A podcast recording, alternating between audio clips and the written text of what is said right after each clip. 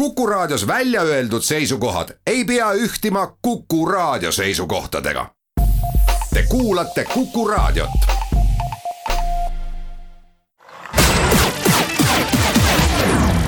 nädala Tegija. ja tere nüüd ka Nädala Tegija stuudiost. kuna Eesti Vabariigi põhiseaduse kohaselt valib Eestile presidendi parlament siis selleks, et uurida, kuidas parlamendil presidendi otsimine läheb, olengi palunud stuudiosse Riigikogu aseesimehe Hanno Pevkuri. tere tulemast Nädala Tegija saatesse! tervist, ilusat äh, päeva kõigile eestimaalastele! saatejuht on Ulla Lents no miks see presidendi valimine teil nii valusalt läheb, et äh, kõrvalt vaadates tundub küll, et nagu keegi ei tahakski Eesti presidendiks saada eks seal on äh, natukene võib-olla põhjuseid erinevaid, üks põhjus on kindlasti see, et milline on meie presidendi valimise seadus. et meie presidendi valimise seadus äh, mm, ju ütleb, et millal peab president üles seadma ja, ja see aeg on väga-väga lühike.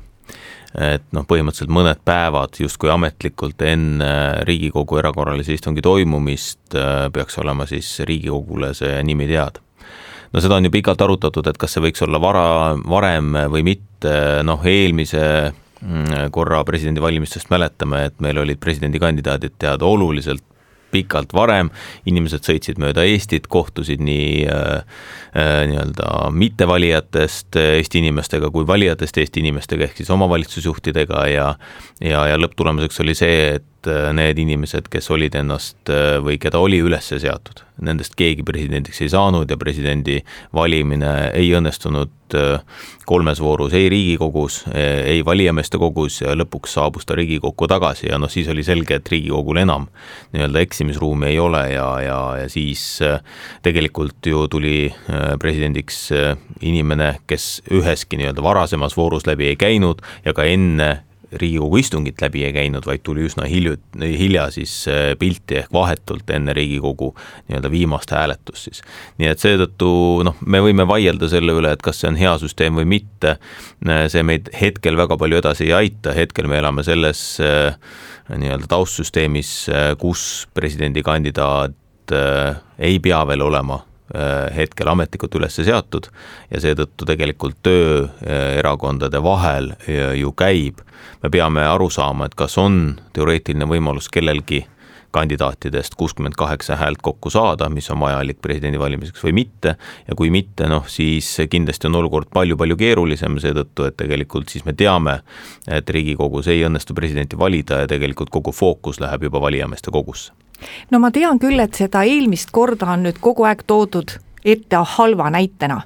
Eh, samas ma päris nõus ei ole sellega, et noh, et see on, oli nagu suhteliselt mõttetu, et need inimesed käisid ja kohtusid Eestimaa inimestega, kes tegelikult ju presidenti valida ei saa. ma arvan, et sellest eelmisest korrast väga paljudele inimestele presidendi kui sellise institutsiooni või ütleme, presidendi institutsiooni sisu sai palju selgemaks, sest tänu sellele eh, said need inimesed rääkida väga mitmetel teemadel ja, ja said ka Eesti inimesed küsida väga mitmetel teemadel, et see ei ole ju vähetähtis, et eh, see, sellest inimesest saab ikkagi kogu Eesti president, vaatamata sellele, et kogu Eesti teda valida ei saa. et mul on millegipärast selline tunne, et äh, mitte see ei ole takistanud erakondi välja käimast praegu nimesid, vaid pigem ikkagi seal taga on midagi muud, et pigem ma näen selle taga ikkagi suutmatust või tahtmatust koostööd teha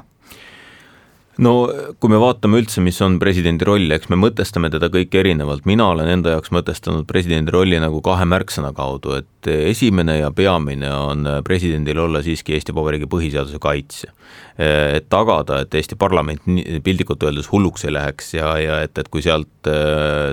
Toompea poole pealt hakkab tulema põhiseadusvastaseid otsuseid, et siis president on see kaitsemüür, kes siis peab kai-, tagama selle, et Eesti Vabariigi põhiseadusest kinni peetakse ja vajadusel minema siis seda kaitset küsima ka Riigikohtust. et see on nagu selles mõttes nagu kõige olulisem jõud, mis Vabariigi Presidendil presidendile siis seadustega on antud. ja teine roll on rohkem selline nii-öelda ühiskonna poole suunatud, selline ühiskonna lepitaja roll, et, et kui ükskõik, kas poliitilisel tasandil tekivad väga suured lahkhelid või, või on mingisugune küsimus ühiskonnas, mis vajaks nagu sellist noh, Äh, sellist lepitaja rolli, et siis, siis ma arvan, et president peaks olema see õige inimene, et noh, me mäletame siin jääkeldri protsessi, me mäletame selliseid äh, presidendi väljaütlemisi juba Lennart Meri ajast, eks ju, et või, või, või ka sellistele ühiskonna valupunktidele osutamine, et noh, et kõik ju mäletavad legendaarset Lennart Meri lennujaamas käiku. Äh, ja, ja, ja noh, selles mõttes ma arvan, et see nii-öelda ühiskonna heas mõttes valvekoera roll on, on, on äh, presidendi selline teine oluline osa. ja nüüd, kui seda kahte osa nagu vaadata, siis tekibki selline noh, poliitikute seas, kes siis hetkel peavad presidenti valima, peamine küsimus, et kas seda rolli peaks täitma poliitik või seda rolli peaks täitma mõni äh, ühiskonnategelane ja, ja eks me selles mõttes või, või, või noh, siis selles mõttes, et mõne muu ametikandja, kes praegu mõnes muus ametis. Ja, ja selle vaidluse tulemusel me oleme hetkel ju jõudmas sinna, et, et eh, noh, võib-olla seekord ei peaks olema poliitik, eks, kuigi minu arvates ei ole see õige nii-öelda lähenemine, et minu arvates ka poliitikud on osa ühiskonnast, me kõik oleme kellegi poolt valitud, me oleme kõik saanud kelleltki mandaadi ja, ja see tähendab seda, et tegelikult jah, selle ühisosa otsimine on võib-olla jäänud natukene nõrgaks just selle tõttu, et tegelikult selliseid äh, noh, äärmuslikke huvisid erakondadel on nagu palju, aga, aga noh, kindlasti suurem vastutus hetkel on ju koalitsioonil, sellepärast et ega, ega ainult opositsioon ega ka ainult koalitsioon ei saa presidenti valida, aga selge on see, et, et koalitsioonil on ju hetkel parlamendis viiskümmend üheksa häält ja meil oleks justkui nii-öelda juurde vaja siis ainult üheksat häält selleks, et vabariigi president õnnestuks valida. nii et eks me selle nimel ju praegu tööd teeme, erakonna esimehed pingutavad selle nimel, et tõesti see üks kandidaat siis leida. ma olen sinuga väga nõus sel teemal, et mulle ka üldse ei meeldi, kui välistataks täielikult poliitikud noh, see, see teeb valiku ikkagi üsna kesiseks. teine asi on see, et mulle ei meeldiks ka, kui meie president välispoliitikas oleks täiesti null. see on ikkagi väga tore, kui president omal moel käib ja esindab Eestit väljaspool Eestit ja suudab olla mõnel teemal ka maailmas eestkõneleja et äh, kas, kas te seda aspekti praegu ka vaatate? mulle tundub, et see aspekt on nagu täitsa kõrvale jäänud. no kindlasti peab olema äh, välispoliitiline mõõde äh, olemas, sellepärast et tõesti, kui me vaatame puhtalt põhiseaduse järgi, siis presidendil sellist nii-öelda igapäevase riigijuhtimise rolli väga pole ja, ja nagu ma ütlesin, peamiselt sellise põhiseaduse kaitsjana, aga välispoliitiliselt on ülisuur roll just nimelt erinevate uste lahti tegemisel. et kui me võtame näiteks tuge Eesti ettevõtjatele välismaailmas, eriti näiteks kui me räägime minna äh, siis ida poole ja, ja Aasia poole, siis, siis Aasia poole peal kindlasti on väga-väga suur tugi sellest, kui vabariigi president näiteks Eesti ettevõtjatega kaasas käib, teeb sinna delegatsioone ja, ja visiite, siis see aitab Eesti ettevõtjaid väga-väga palju, me võime olla küll väike riik, aga see ei võta meilt ära äh, institutsiooni väärtust ehk vabariigi president või nii-öelda riigi pea. Ja, ja selle nimega saab ikka väga palju uksi lahti teha ja seetõttu tegelikult äh, loomulikult äh, äh, noh, isegi mitte ainult välispoliitiline, vaid pigem ma ütleks välismajanduspoliitiline mõõde on see, mis, mis on Vabariigi Presidendil täita.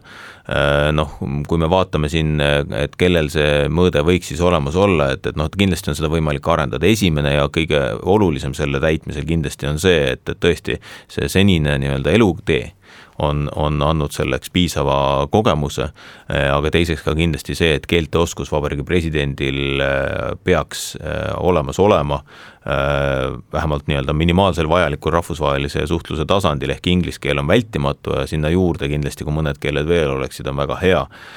noh, me kindlasti ei eelda, et kõigil peaks mandariin nii-öelda keeltepagasis olemas olema või, või veel mõned keerukamad keeled, aga, aga kindlasti välispoliitiline, välismajanduspoliitiline mõõde, eriti minu jaoks, on, on nagu väga oluline aspekt äh, selle juures, et äh, leida see õige inimene, kes võiks täita järgmised viis aastat Vabariigi Presidendi kohuseid. me teeme siinkohal oma jutuajamisse väikese pausi ja läheme hetke pärast edasi. nädala Tegija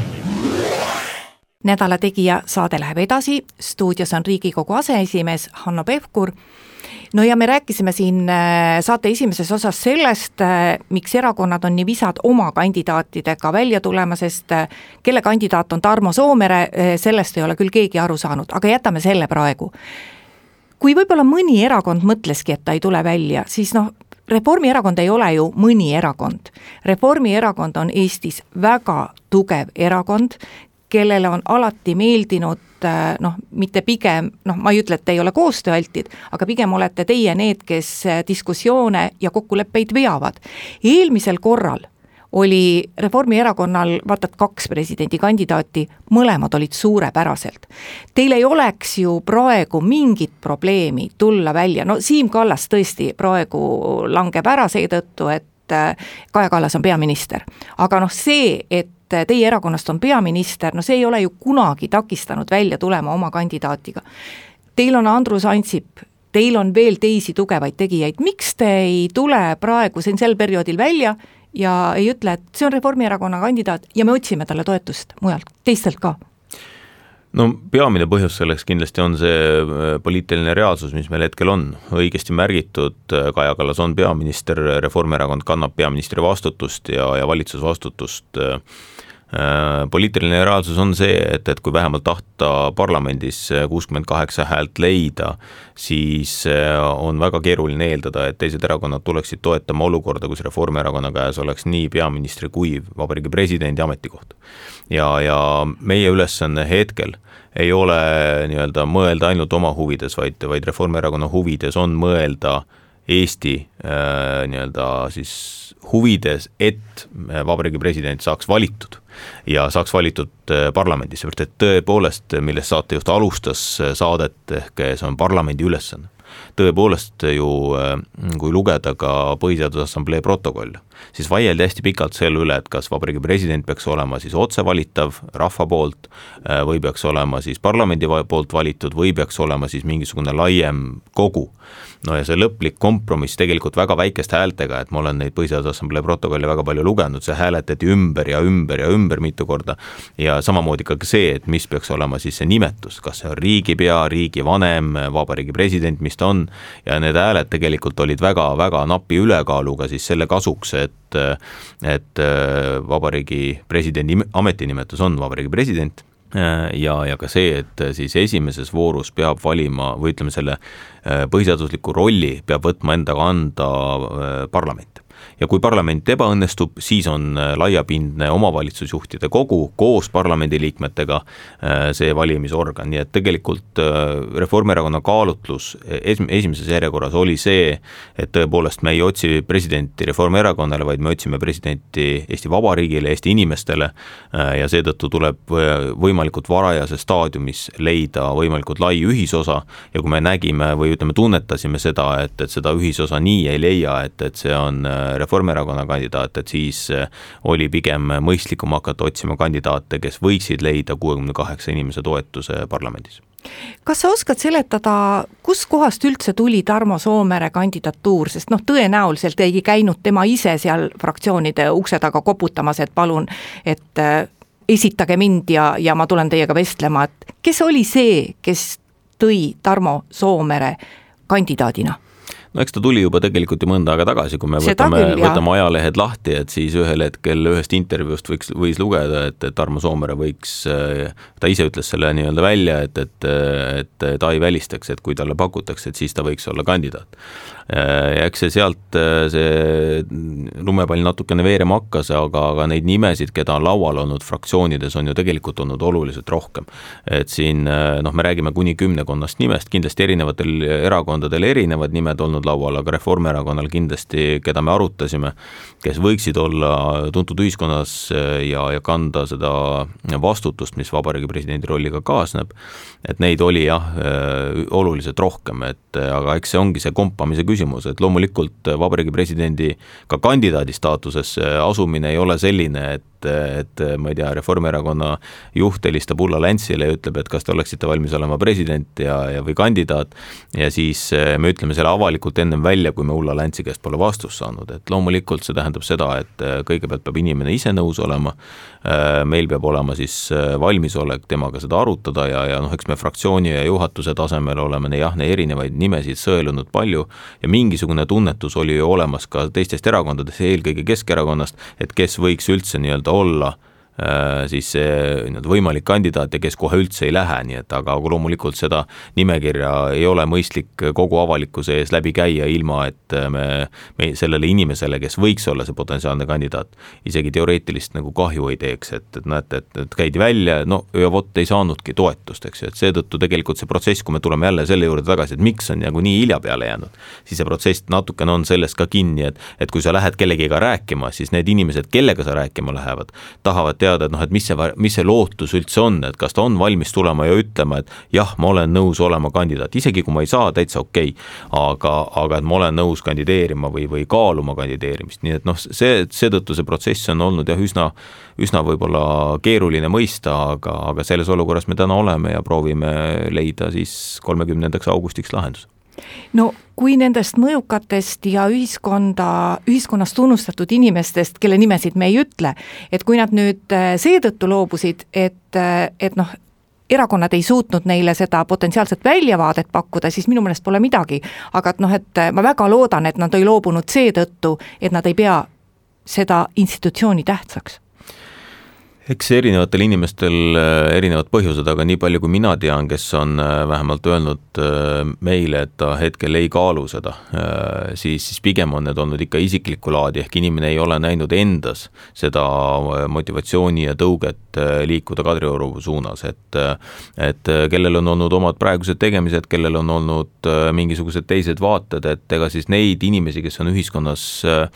hinnatud on meil ju palju, aga, aga need inimesed, kes oleksid valmis jätma oma senise töö, karjääri ja, ja, ja tegevuse ja liikuma Kadriorgu. ja mõneti ka perekonnaelu. mõneti ka perekonna, mitte mõneti, vaid ikka päris tõsiselt perekonnaelu ja liikuma Kadriorgu ja, ja, ja noh, tegema uu, täiesti kannapöörde oma elus. et ega see ei olegi nii lihtne otsus, et tuleb arvestada sellega, et et noh, see ametiaeg on viis aastat, sa ei tea, kas sa oled siis järg, järgmise või pärast viite aastat uuesti valitud või mitte, ehk maksimumaeg on kümme aastat ja, ja juhtumisi, kui sa oled ka veel äh, suhteliselt noor inimene, siis sa pead arvestama, et mis sa siis oled, et siis sa oled, äh, ma ei tea, viiekümne viie aastaselt äh, või, või kuuekümne aastaselt ekspresident aga sa oled veel noor inimene, tahaks veel elus midagi teha, et mis sa siis teed, et, et mis, mis on need äh, väljundid pärast Kadriorust lahkumist, et eks neid, neid erinevaid põhjuseid, miks ei öeldakse, on, on palju, aga aga paljuski tuleb neid otsida ikkagi inimeste, inimeste enda kaalutlustest ja, ja sellest, et äh, mida nad täna teevad, millist perspektiivi nad näevad endas kui vabariigi president ja mis saab pärast selle ametiaja täitmist me teeme siinkohal oma jutuajamisse natuke pikema pausi, kuulame ära Kuku raadio lühiuudised ja siis räägime Hanno Pevkuriga presidendivalimiste teemadel juba edasi. nädala Tegija nädala Tegija saade läheb edasi, stuudios on Riigikogu aseesimees Hanno Pevkur. kuidas meil nüüd see protsess edasi läheb? No eks see on äh, natukene lahti tõesti kuni kolmekümnenda augustini mitmel põhjusel, esiteks see, et parlamendisaadik on oma otsuses ju vaba. presidendivalimised on salajase hääletusega. nii et eks seda tuleb arvestada, et tõepoolest, isegi kui see tahe alguses on olemas ja isegi kui tuleb ainult äh, siis kaks kandidaati Riigikogu esimeses hääletusvoorus, äh, siis see tähendab seda, et et see ei pruugi veel tähendada Vabariigi Presidendi valimist ja, ja kui nüüd esimene hääletusvoor ei too kuutekümmet kaheksat häält, varasemalt on meil Eestis olnud ainult üks kord, kui Toomas Hendrik Ilves on äh, selle tulemuse saanud, et parlamendis ära valitakse hmm, teiseks ametiajaks küll siis, mitte esimeseks. Äh, siis see tähendab seda, et äh, on täiesti uus olukord, on vaja ühe päevaga teoreetiliselt siis jääda kas varasemate kandidaatide juurde või on võimalik ka leida siis uusi kandidaate ja, ja siis me oleme ikkagi tegelikult täiesti uues olukorras, nii et äh, tõepoolest äh, ka see, kui siin veel täna õhtuks või, või ka järgmise nädala jooksul mm, ütlevad erakondade juhatused või fraktsioonid, et, et võiks kaaluda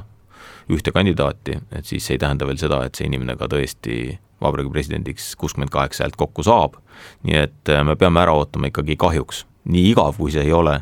kolmekümnenda augusti hääletuse ja siis on näha, kas keegi kandidaatidest on saanud selle kokku või mitte.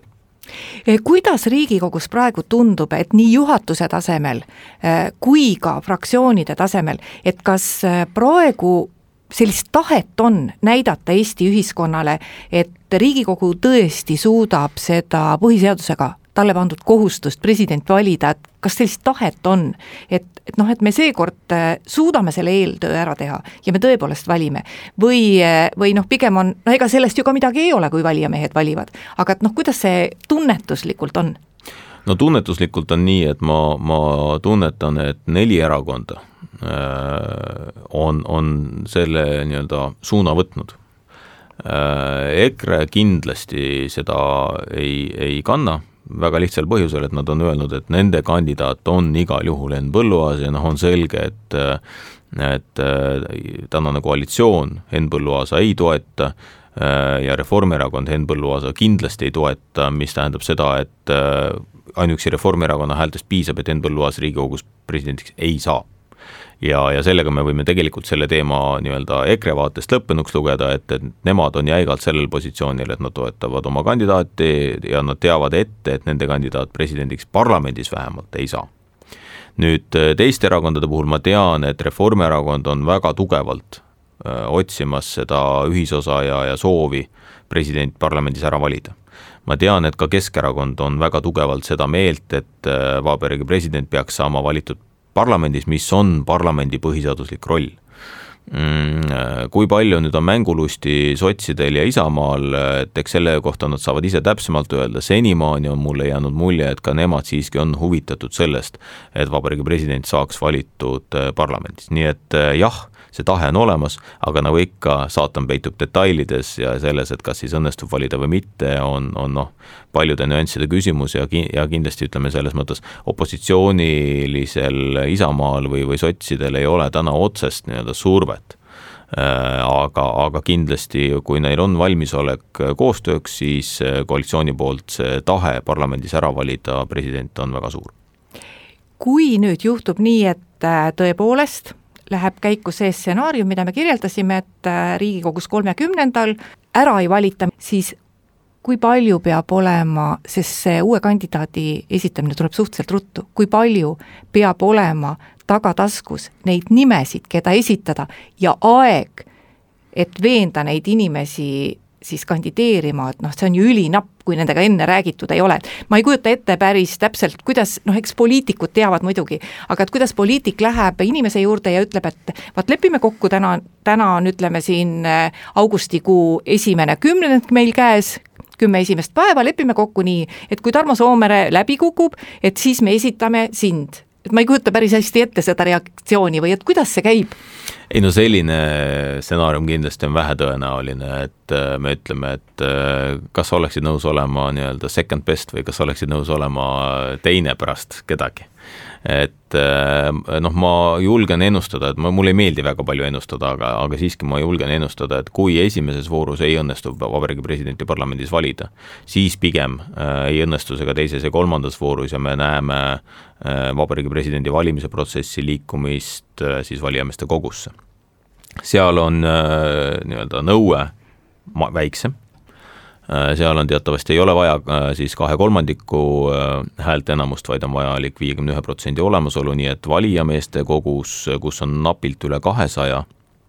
valijamehe, et siis seal on kindlasti suurem tõenäosus vabariigi president ära valida ja, ja ma siiski kaldun arvama, et kui, kui parlament ei saa oma tööga hakkama, noh, mida ei saa ju välistada siis äh, seekord valijamehed äh, valivad Eestile presidendi, et, et see ei tule parlamenti tagasi. et eh, noh, iseenesest on see tegelikult põhiseaduse mehhanism väga kavalalt nagu tehtud, et, et see on selline vastastikune vastutus on pandud, et et kuulge, kui teie seal hakkama ei saa, siis, siis eh, läheb kellelegi teisele ja, ja vaadake, kui, kui nüüd meie ka siin hakkama ei saa, et siis me põrgatame selle tagasi. ja siis tekib juba tegelikult saja ühel Riigikogu liikmel nagu hoopis teine vastutus ka valijameeste kogus. et tõesti, nüüd eelmine kord ta tuli tagasi parlamenti, aga noh, vot siis on küll juba see koht, kus parlamendil nii-öelda ebaõnnestumise võimalus võimalus puudub, sellepärast et see ikkagi noh, jätab parlamendist väga nadi mulje. ja seetõttu tegelikult noh, ma, ma usun, et kui parlament ebaõnnestub, mida ma, ma loodan, et ei juhtu, siis valijamehed selle seekord Vabariigi Presidendiga ära valivad lihtsalt praktiliselt Riigikogu reeglite kohaselt kui esimene voor ebaõnnestub, et kas, mis saab siis üldse teisest ja kolmandast voorust, kas teil on võimalik nagu öelda, et me ei tee neid, ei ole ju? ei, me ikkagi peame nad tegema ja, ja küll on seal õigus seada üles uusi kandidaate. Äh, ja, ja tegelikult me räägime ju kahekümne neljast tunnist, et meil on kolmkümmend ja kolmkümmend üks äh, august äh, erakorralised istungid planeeritud, eks, et noh, me loodame, et kolmekümnenda augustiga saab ühele poole aga, aga põhimõtteliselt jah, Vabariigi Presidendi valimise seadus annab õiguse tuua mängu veel uusi kandidaate, et et äh, loomulikult see on väga keeruline äh, ja, ja, ja väga keeruline on ette näha, et, et nüüd nii-öelda kahekümne nelja tunniga parlamendi jõujooned kuidagi muutuksid, kui me ei ole ennem saanud selle pika aja jooksul omavahel suhteid klaariks mistõttu ma julgengi ennustada, et, et kui äh, esimeses voorus ära ei valita, et siis pigem liigub see protsess äh, valijameeste kogusse ja ka valijameeste kogus me võime näha uusi kandidaate.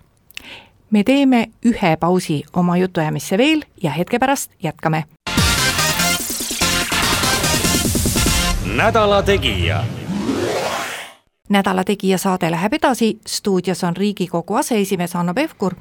saate viimases osas äkki räägime Riigikogu tegemistest veel selles võtmes, et nüüd on kostunud hääli, et Riigikogu peaks mitme teema puhul erakorraliselt kogunema. ja noh, ei saa ju salata, et, et neid teemasid on ma isegi seda pagulaskriisi, mis on tekkinud praegu Leedus, peaksin võib-olla isegi olulisemaks kui seda tervisekriisi, mis on tekkinud koroonaviiruse tõttu, sest mulle tundub, et meie spetsialistid teavad üsna täpselt, mida teha ja valitsus suudab ka otsustada. et eh, kas Riigikogul ühel või teisel või võib-olla ka mingil kolmandal teemal on põhjust veel erakorraliselt koguneda, enne kui algavad Riigikogu korralised istungid? no kõigepealt võib-olla ma alustaks koroona ja, ja kõik mis puudutab siis viiruse levikuga seotud erakorralisust, et äh, minu arvates parlament on seda käsitlenud päris palju, ma tean seda, et Riigieelarve Kontrolli Komisjon äh, koguneb äh, ja, ja arutab teemat. Ja mulle tundub, et ka Sotsiaalkomisjon on ette valmistamas siis istungit, mis, mis tegelikult on palju parem kui Riigikogu suure saali arutelu, sellepärast Riigikogu suures saalis noh, teoreetiliselt me saaksime arutada teemat sotsiaalministriga igal, igal Riigikogu liikmel on kaks küsimust ja sellega asi piirdub ja meil on üks vastaja ja, ja igalühel siis üks või kaks küsimust. nüüd äh, sotsiaalkomisjoni avatud istung näiteks oleks äh, kindlasti väga-väga palju Äh, nii-öelda laiemate võimalustega, esiteks saaks sinna kutsuda oluliselt rohkem külalisi, kes on eksperdid, teiseks on Riigikogu liikmetel kõigil võimalik seal osaleda äh, ja, ja kõik, kellel on siis soov ka küsida, siis küsida ja mitte ainult ühte või kahte küsimust, vaid jumala pärast kas või neli või viis küsimust, ja kolmandaks, seal on kindlasti palju vähem bürokraatiat, nii et noh, ütleme, kui vaadata parlamendi erinevaid töövorme, siis kindlasti komisjoni kaudu selliste akuutsete küsimuste lahendamine on, on hästi nii-öelda mõistlik ja, ja, ja kiirem ja seetõttu kindlasti ma soovitaks nagu ka sotsiaalkomisjonil mõelda selle peale, et, et esimesel võimalusel tegelikult korraks arutada, kuigi ma näen ka seda, et valitsuse poolt on väga palju otsuseid ju tegelikult juba tehtud ja, ja, ja ma parlamendi liikmetele ka Riigikogu juhatuse poolt soovitaks eelkõige kõnetada oma valijaid. sest et see, kui sada üks liiget äh, annavad oma valijatele sõnumi, et head inimesed, tõepoolest, palun minge vaktsineerima, käige, sest et see aitab äh, ära hoida nakatumist, nakatunute uut kasvu ja samamoodi aitab ta tegelikult äh, ju nii-öelda vähendada isegi, kui peaksite mingil äh, põhjusel pärast vaktsineerimist haigestuma, aitab seda, neid, seda haiguse rasket kulgu vältida, seda, seda näitavad kõik andmed, mis meil praeguseks on ju haiglatest tulnud ja, ja, ja nüüd, kui mõelda selle peale, et, et äh, sada üks liiget saaksid kõnetada oma valijaid, siis see on kordades tugevam sõnum kui see, kui sada üks liiget omavahel arutavad, et mida teha nii et seetõttu te teha tuleb seda, et tuleb inimestele süstida julgust ja, ja siis heas mõttes süstida julgust lisaks vaktsiinile. et, et palun minge vaktsineerima, see aitab ühiskonda säästa, see aitab eelkõige tervishoiu valdkonda säästa ja see on tegelikult nagu palju tõhusam. nüüd, kui me tuleme Leedu kriisi juurde, siis see on kindlasti midagi, kus me peame nagu silma väga tõsiselt peal hoidma äh, ja, ja, ja see on äh, koht, kus tegelikult ka parlamendil peab olema valmisolek tõepoolest vajadusel kiiresti koguneda, praegu tundub ja praegused nii-öelda andmed ja info ju näitab, et et see hübriidrünnak, mis on Leedu vastu, vastu või, või ette võetud Valgevene ja suure tõenäosusega ka siis Venemaa kaasabil, et, et need, need juured ei jõua praegu Eestisse äh, või, või otsad ei jõua Eestisse, aga loomulikult meie valmisolek Leedut toetada ja abistada peab olema väga kõrge, me oleme seda juba teinud, meie piirivalvurid on sinna läinud, kaitsevägi on saatnud sinna okastraati, aga noh, kui me võtame ka Leedu-Valgevene piiri, siis see on väga pikk, nii et, nii et valmisolek peab olema, aga hetkel nüüd niimoodi kiirkorras koguneda, et peab mõtlema ka seda, et mida me teha, mis see sõnum on või mis see väljund on, et ega parlamendi lihtsalt kokkutulemine on, on kindlasti võimalik, aga, aga see väljund on ta siis avaldus, on ta toetus, et mis me tegelikult teha saame. et kui oleks vaja näiteks eelarvet muuta selleks, et Leedut abistada, selleks on parlamenti vaja. nii et jah, seal tuleb vaadata seda, et, et, et valmisolek parlamendil koguneda on, aga seal peab olema ka reaalne väljund, mis selle, et kui sa ütled A, siis sa pead ütlema ka B no selles kontekstis äh, on küll natuke kahju, et me oma idapiiri ei ole praegu ikka saanud sada protsenti välja ehitada. absoluutselt ja ma, tähendab, kõige suurem kahju minul on see, et, et need plaanid, mis me omal ajal äh, minu eestvedamisel tegime, need nägid ette sada protsenti elektroonilist valvet äh, ka lisaks aiale. ja, ja minu arvates see on üli-ülikriitiline just nimelt sellepärast, et noh, on selge, et, et noh, ei ole võimalik inimketti piirile paigutada. ja seetõttu tegelikult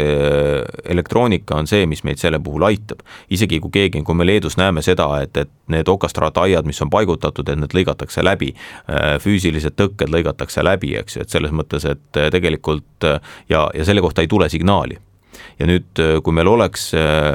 valmis ehitatud see piir sellisel kujul, nagu me omal ajal planeerisime, siis tegelikult see oleks tähendanud seda, et iga piirile lähenemine oleks anduritega kaetud ja ka piiritara puudutamine oleks olnud andurite ja ka kaameratega salvestatav. nii et ja jälgitav, nii et tegelikult noh, see, see on hästi-hästi äh, nagu halb otsus omal ajal, mille Mart Helme tegi, et me võtame, tõmbame selle nii-öelda kaasaegse elektroonilise valve sealt maha ja, ja piirdume ainult taraga. minu arvates oli see vale otsus äh, ja ma olen valmis seda jätkuvalt kaitsma, miks me tegime sellise piiriprojekti, nagu me minu eestvedamisel tegime, just nimelt nähes ette neid hübriidohte kuni droonivalveni välja, droonipesadeni välja, eks ju, et, et et meil oleks äh, korralik sada protsenti ülevaade igal äh, meetril meie piiril toimuvast no praegu töökohtades väga palju vaieldakse selle üle, et äh, kuidas tööandja peaks käituma, et no ühelt poolt ei ole tal õigusi üheltki inimeselt küsida, kas ta on vaktsineeritud või mitte, aga teisalt, et äh, kas tuleks ikkagi survestada, et noh, et võib-olla kui olukord läheb kriitilisemaks, ei saakski lasta tööle neid inimesi, kes vaktsineeritud ei ole, aga kuidas Riigikogus on? Et mis saab äh, Riigikogu liikmetest, kes ei vaktsineeri, noh, ega keegi ei saa ju vaktsiinivastasust neile ka pahaks panna, aga et äh, tegelikult võib-olla ühel kriitilisel hetkel ei peaks ka nemad istuma koos vaktsineeritud inimestega seal kõrvuti no Riigikogu liige on oma mandaadis vaba, me oleme juhatuses seda päris palju arutanud, me oleme vaadanud ka õiguslikult, millised võimalused meil siis oleksid ja, ja noh, õnneks äh, tõesti, terviseandmeid ma avalikustada ei saa, aga ma tean, et ikkagi valdav osa Riigikogu liikmetest on praeguseks hetkeks vaktsineeritud, isegi EKRE fraktsioonis suur osa on, on äh, fraktsioon, vaktsineeritud, aga ka tõesti personaalseks ei saa minna, aga minu jaoks on see alati olnud ikkagi inimeste isikliku vastutuse, eriti parlamendiliikmete puhul, kes peavad tegelikult kandma seda nii-öelda siis vastutust ühiskonna kui terviku eest ja olema siis need eeskujud ja, ja näitama seda teed, kuida-, kuhu Eesti peab liikuma nii õigusaktide vastuvõtmisel kui ka selles oma käitumises. ja, ja noh, eks aga noh, ma teisest küljest saan ka aru liberaalina, et, et tõepoolest äh, parlamendisaadik on vaba ja võib-olla tema, kes ei vaktsineeri, kõnetab sellega oma valijaid